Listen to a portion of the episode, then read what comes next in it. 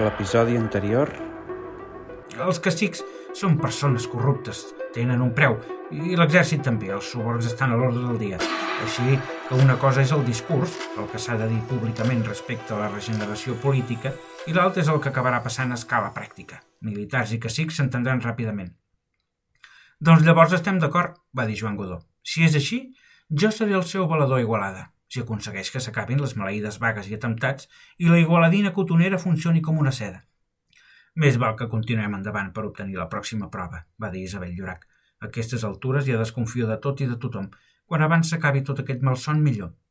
Estic d'acord amb tu, li va dir Milans del Bosc. Tothom s'ha acabat el pollastre, no? Sembla que sí, va dir Domènec Cert. En el pis que busquem sentirem un piano al pis del costat i un nadó a sobre. Sabeu quin pis és? va dir Carme Estruc. Ja està tothom? va preguntar Paco. Sí, va dir Carlos de Sant Manat. Jo era l'últim. Mare de Déu, va exclamar Lluís Ferrer Vidal. Això cada cop és més enrebaçat. Amb el vi que portem a sobre no sé si serem capaços d'endevinar-la aquesta, va dir Antoni Maria Jové. Sí que el resoldrem. I tant que sí, va dir Maria Cristina Güell. El joc de viure, de Magí, Balcells i Balcells. Sisè plat. Pastanagues a la crema. Capítol 16. Els marquesos de Castell dels Rius vora les 4. No sé, Maria Cristina, això és cada cop més difícil, va dir Isabel Llorac a Maria Cristina Güell davant el seu optimisme. Sí, dona, sí, ho tinc tot ben apuntat, va contestar Maria Cristina. Ho resoldrem per deducció, n'estic segura. Ho anirem dibuixant sobre el paper i al final ho traurem, segur. Jo ho dibuixaré, va dir Eusebi Güell, que sabia dibuixar molt bé, mentre agafava un dels grans sobres. Disculpin, senyors, va dir Avelino. Servirem a continuació un Chateau Chalon Vinjaune Gran Gaspar Follet, de 1896. Es tracta d'un vi groc molt característic de la regió de Jura, el Franc Comtat, un vi que ja és mencionat per Plini el Jove al 80 després de Crist.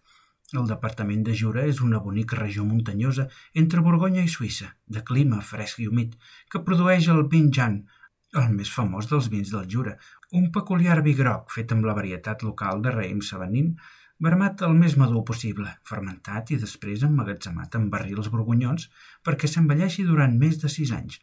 La peculiaritat de l'envelliment, però, consisteix a deixar una bossa d'aire a la part superior del barril per activar l'oxidació i el color i aroma tan característic d'aquest vi, una especial barreja de fruits secs, avellanes, ametlles, pa, mel, canyella, vainilla, caramel, pa de pessic, api... En fi, que vagi de gust. Gràcies, Avelino, va dir Lluís de Llorac. A veure, va dir Maria Cristina Güell, mirant el seu germà Eusebi. Eh, comencem. El meu pis és en una avinguda de 60 cases. L'avinguda va de l'oest a l'est, sent les cases número 1 i 2 les que són més a l'oest i les cases 59 i 60 les que són més a l'est. Totes les cases tenen les mateixes dimensions i estan col·locades en 10 illes, 5 al nord de l'avinguda i 5 al sud. En les cases del nord, la numeració és parell. Cada sis cases, un carrer travessa l'avinguda en perpendicular. Ho tens, Eusebi? Un moment, un moment. A poc a poc, va respondre ell. Eusebi va dibuixar una avinguda, des de l'esquerra del gran sobre cap a la dreta, i al seu torn va fer travessar quatre carrers en perpendicular, creant deu illes. Segons aquest enunciat, hi ha 30 cases a un cantó de l'avinguda i 30 a l'altre, sis en cada illa, per la part que toca l'avinguda, clar, va dir Matías Muntades. Diu que en les cases del nord la numeració és parell, va dir el comte de Güell al seu germà. És a dir, que d'esquerra a dreta, a la primera illa la numeració és 2, 4, 6, 8, 10 i 12. Eh, disculpin, senyors, va dir Avelino, mentre el servei es disposava a repetir el sisè plat. Servirem a continuació unes pastanagues a la crema. Es tracta d'una de les elaboracions més famoses del xef Escoffier, unes pastanagues pelades i tallades en rodanxes que s'han cuit a foc lent en una cassola amb escalunyes, cebes, alls, herbes aromàtiques i mantega, afegint-hi pebre, una mica d'aigua i crema de llet de les vaques dels Alps per reduir-ho tot a foc mitjà durant 20 minuts, fins a aconseguir una pastanaga dolça i tendra que es desfà a la boca, eh, que vagi de gust. Gràcies, Avelino, va dir Isabel Llorac. Eh, per on anàvem? va dir Paco, amb la mirada perduda i els ulls mig tancats per l'efecte del vi. Una avinguda de l'oest a l'est, Cada sis cases, un carrer travessa l'avinguda en perpendicular, creant deu illes. Les cases 1 i 2 són les que són més a l'oest i les cases 59 i 60 les que són més a l'est. Les cases del nord, la numeració és parell, va dir Eusebi, descrivint el que havia dibuixat. Correcte, va dir Maties Muntades. Si una illa està formada per sis cases i la numeració és parella al nord de l'avinguda, la primera illa nord, la numeració és 2, 4, 6, 8, 10 i 12. Correcte, va dir Lluís Ferrer Vidal. Eusebi anava numerant les cases de cada illa, tal com li havien dit. La segona illa del nord va del 14 al 24, la tercera del 26 al 36, la quarta del 38 al 48 i, i la cinquena del 50 al 60, va dir Bertran i Mosito. En les cases del sud, va dir Maria Cristina. Un moment, deixeu-me respirar, va dir Eusebi, parant un moment i fent un glob de vi. Oh, és exquisit. Seguim?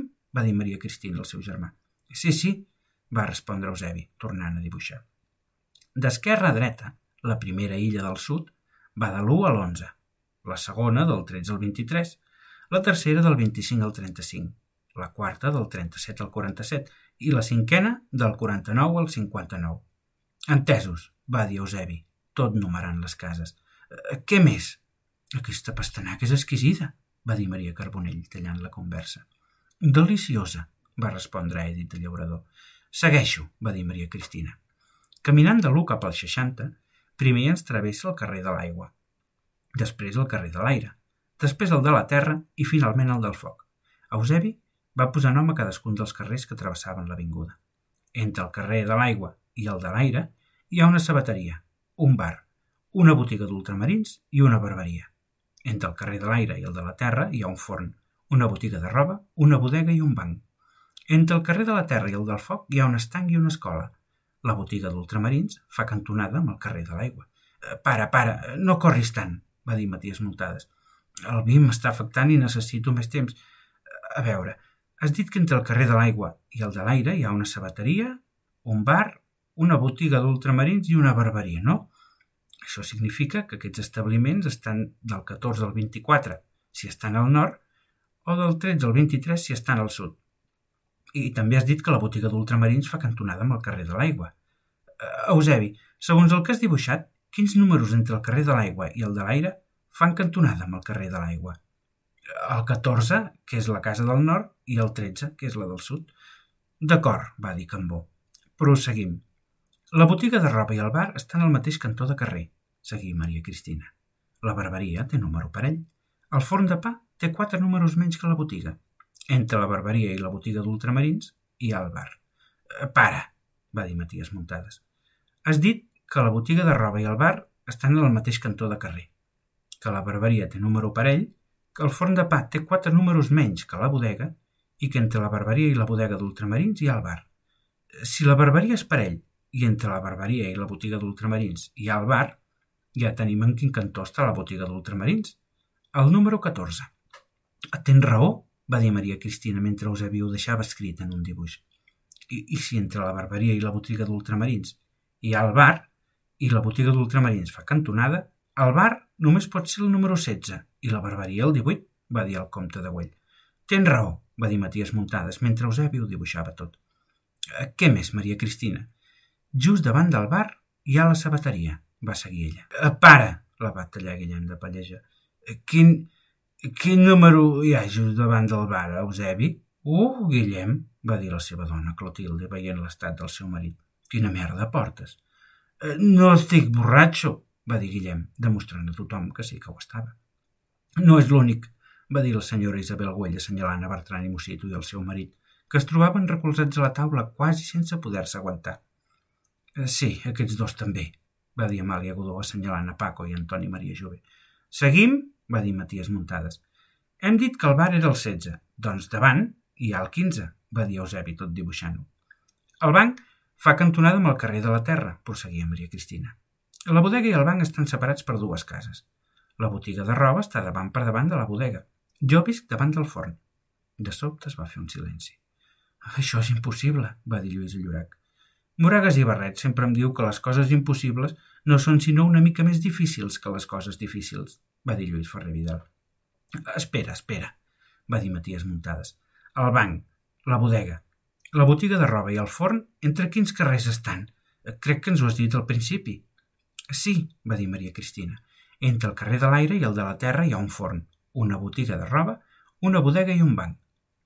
Això vol dir que aquests estan entre els números 26 a 36 si estan al nord i el 25 i el 35 si estan al sud, va dir Matías Muntades. I ens has dit que el banc fa cantonada amb el carrer de la Terra, o sigui que el banc pot ser el 35 o el 36, va dir assenyalant el dibuix d'Eusebi. Per altra banda, dius que la bodega i el banc estan separats per dues cases, que la botiga de roba està davant per davant de la bodega i que jo visc davant del forn. Al moment es va fer un silenci, mentre tothom pensava en profunditat sense veure la solució possible. Aquí ens falta informació, va dir el comte de Güell.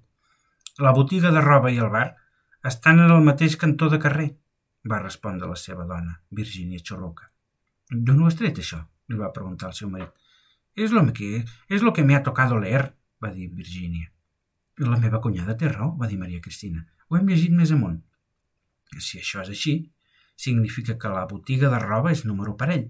I, per contra, si sabem que la botiga de roba està davant per davant de la bodega i que la bodega i el banc estan separats per dues cases, significa que el banc, que hem dit que fa cantonada amb el carrer de la Terra, és número imparell. El número 35 és el banc, va dir Eusebi mirant el seu dibuix, i si la bodega està separada del banc per dues cases, només pot ser la número 29. Exacte, va dir Matías Montades. La botiga de roba és el número del davant, va afirmar Lluís Ferrer Vidal.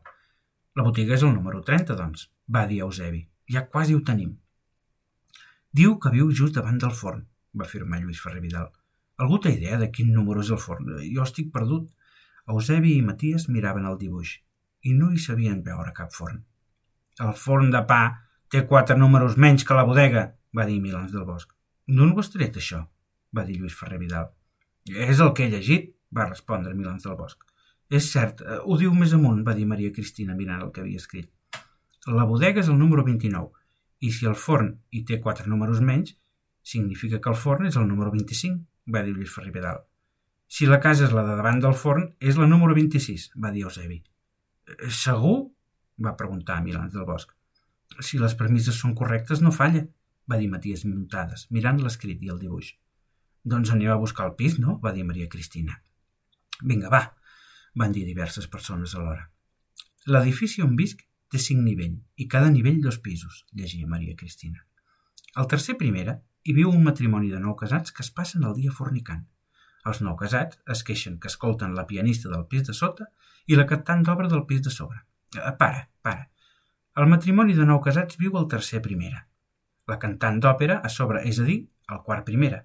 I la pianista al segon primera, va dir Lluís Ferrer Vidal. Estem d'acord? Eh, sí, va dir Matías Muntades. La cantant d'òpera es queixa que sent fornicar al pis de sota i gossos al pis del costat, seguia Maria Cristina. La cantant d'òpera, quart primera, es queixa que sent fornicar al pis de sota, tercer primera, i gossos al pis del costat, quart segona, va dir muntades mirant Eusebi perquè prengués nota. Els del pis amb els gossos es queixen que hi ha un nadó al pis de sota que plora tot el dia, seguia Maria Cristina. Al pis amb el nadó es queixa que sent el matrimoni fornicant, en el pis que busquem sentirem un piano al pis del costat i un nadó a sobre. Sabeu quin pis és? Ja ho tenim, va dir Matías Muntades. És el pis del costat de la pianista, i si hem dit que la pianista estava al primer segona, el nostre és el segon segona. Número 26, segon segona. Algú li suggereix alguna cosa aquest número de casa? Tenim quatre pistes, va dir Maria Cristina Güell al moment. La segona, que és 26 segon segona, la tercera, 325, la quarta, pistola, i la setena, advocat. Ens en falten quatre. 26 segons segona, 325 pistola i advocat, va dir Lluís Ferri Vidal. Això és un sense sentit, va dir Lluís Llorac. Nosaltres, va dir Isabel Guallí López, amb la por al cos, nosaltres vivim a un 26 segons segona. Al moment es va fer un silenci. Quina casualitat, va dir Clotilde Ricard. Tu creus? va dir-li Lluís Llorac. A mi em sembla que no té res de casualitat. Què vols dir, Luisa? li va preguntar Isabel Güell. Creus que tinc alguna cosa a veure amb tot això? Per descomptat que no, Isabelita, va respondre Lluís Llorac. Tu ets incapaç de fer una cosa així. Algú que compon música tan bella és impossible que tingui maldat al cos. Eh, no malinterpretis les meves paraules. El que vull dir és que i, qui ha preparat aquestes pistes no ha posat aquests números per casualitat, ho ha fet perquè dubtéssim de tu. Vols dir que sap on visc? va preguntar Isabel Güell, espantada. Sí, germaneta, va dir-li Maria Cristina. El que ha preparat aquest joc ho sap tot de nosaltres. És evident. Cada cop que obrim un sobre surt una pista que apunta algú. Aquesta us apunta a vosaltres, sens dubte. Però jo no hi tinc res a veure, va exclamar Isabel Güell. Us ho juro. Isabel Güell i López, Isabelita pels seus íntims, va ser la primogènita del matrimoni Güell López i va néixer el 23 de novembre de 1872 al Palau Moja de Barcelona, residència dels seus avis, els marquesos de Comilles, poques hores abans de la mort del seu avi Joan Güell, el més famós negre català. Amb 51 anys, era una dona elegant i una mica estirada, sense prestar-se gens al tracte pla amb els altres, no perquè se sentís superior, senzillament per amagar la seva inseguretat, tot mostrant certa distància amb tothom per vestir així la seva autoestima. El seu posat i la música era el que li conferia més seguretat i, per tant, es valia d'aquests dos fets en tots els aspectes de la seva vida. Era de mitjana constitució, amb uns ulls molt clars que contrastaven amb els seus cabells foscos, curts i arrissats, boca petita i nas arrodonit. De totes les germanes Güell, ella era, sens dubte, la que més s'assemblava a la seva mare, Isabel López Bro. Isabel havia arribat a viure sobre dos quarts d'una, conjuntament amb el seu marit i el cotxer, amb un bonic Fiat 502, negre en versió limusina. Dedicava el seu temps a la música, a compondre, un fet molt poc habitual per les dones del seu estatus, a musicar poemes de Verdaguer, a llegir i, sobretot, a la caritat i a la beneficència, com era quasi perceptiu per a una dona de la seva classe social. Crescuda al Palau Güell, envoltada d'un ambient cultural estimulant, entre els quals hi havia Gaudí, Jaume Collell i Jacint Verdaguer, i amb una gran predilecció familiar per la música que venia dels avis Bacigalupi, una família genovesa instal·lada a Barcelona, Isabelita va experimentar una immensa vocació musical des de ben petita i va aprendre a tocar el piano i l'orgue amb la seva tieta, Josefa Bacigalupi. A més a més, va tenir la sort, dins la desgràcia, que a causa de l'epidèmia de còlera de 1885, el seu pare, Eusebi Güell, va decidir traslladar-se a França amb la seva família i es van instal·lar a Versalles, un fet que li va permetre a ella i a la seva germana Maria Lluïsa rebre lliçons d'orgue de la mà d'Eugène Gigot, ni més ni menys que l'organista titular de l'església parisenca de Sant Agustín i considerat un dels millors organistes de llavors. El 19 de gener de 1901 va contraure matrimoni a l'oratori de Sant Felip Neri de Barcelona, amb Carlos de Sant Manat i Sant Manat, marquès de Castell dels Rius, en una gran cerimònia que va oficiar el bisbe de Vic, Josep Torres i Bages, seguida d'un luxós convit al Palau Güell.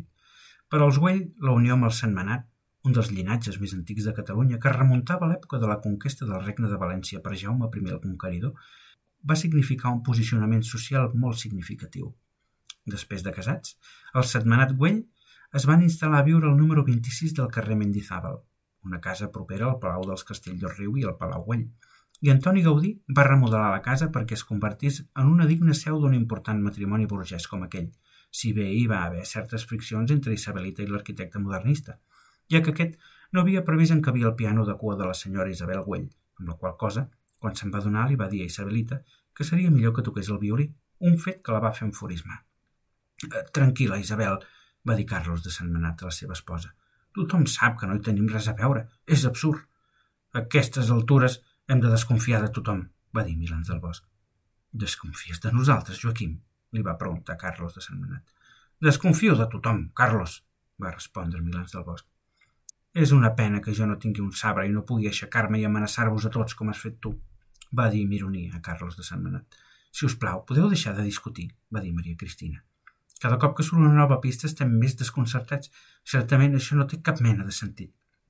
Sóc el més noble de tots els presents, i la noblesa no es rebaixa a fer aquestes coses, i menys amb gent important, va dir Carlos de Sant Manat. Carlos de Sant Manat i Sant Manat marquès de Castelltorrius amb grandesa d'Espanya, marquès d'Orís, baró de Santa Pau, gentilhome de cambra de Sa Majestat, gran creu de Carlos III de la Corona d'Itàlia, president del Cuerpo de la Nobleza de Catalunya i quadrillero de la Maestranza de València, era un home de 61 anys, rígid i sever, d'ulls verds, prominent panxa, cabells poblats blancs i bigoti repentinat del mateix color. Observant-lo, un s'adonava ràpidament que tota l'estona s'esforçava tan esment per mostrar una digna postura, un posat artificial de decòrum estricte i inflexible per fer honor a la seva estirp nobiliària, atès que encarnava una dignitat aristocràtia de rancio abolengo. A diferència de la resta d'aristòcrates de la taula, La seva noblesa no era una recompensa monàrquica recent per ser un burgès important, sinó que es tractava d'un privilegi antiquíssim, aconseguit pels seus ancestres i transmès per dret de sang d'hereu a hereu durant segles sobre desenes de generacions. Carlos de Sant Manat i Sant Manat formava part d'una de les dinasties fundadores de Catalunya, un llinatge de la noblesa immemorial, aquella establerta abans de l'existència dels registres nobiliaris, els hereus de les quals podien rastrejar la possessió ininterrompuda de drets nobiliaris més enllà de l'era feudal, fins a temps remots, uns temps que s'estenien més enllà de l'abast de la memòria, els registres o la tradició. La maldat no distingeix ni de noblesa ni de posició econòmica, va dir Milans del Bosc a Carlos de Sant Manat. La noblesa no rebaixa aquestes coses, va dir Carlos de Sant Manat. Els nobles sou els pitjors. Com més antic és el títol, més gran és la maldat practicada. No sou nobles perquè sí, sobretot els d'origen medieval. Sou nobles perquè els vostres ancestres van vessar més sang que ningú. Jo no he fet res, ho juro pels meus ancestres, va dir Carlos de Sant Manat, i si voleu que us doni la meva opinió, crec que cap dels que som aquí som responsables d'aquest joc. Doncs jo penso just al contrari, va dir Anna Joé i Peix, augmentant el to de veu i balbucejant. Qualsevol de nosaltres pot haver estat. Qualsevol no, va dir Maria Cristina. Ha de ser algú que tingui un motiu. Em sembla que cap dels que som aquí tenim un motiu, va dir Isabel Llorac. Tots tenim un motiu, va dir Anna Jove i Peix. Tots tenim un motiu? va preguntar Bertran i Mosito. Entre nosaltres? Què vols dir, que tots tenim un motiu, Anna? va preguntar-li Maria Cristina. Motiu? Va dir Anna Jové, mentre s'agafava el cap amb les mans i recolzava sobre la taula com si no es pogués aguantar. Estàs bé, Anna? li va preguntar Isabel Llorac. Si tots tenim un motiu, quin és el teu? va preguntar Milans del Bosc. De, de què m'estàs parlant? va cridar Anna Jové. Motiu? Motiu de què? Has dit que tots tenim algun motiu per venjar-nos entre nosaltres, va dir Carlos de Sant Manat. Quin és el teu motiu per venjar-te contra nosaltres? Oh, home, està clar, no? Va respondre ella, balbucejant. La mort del meu marit. El joc de viure, de Magí, Balcells i Balcells.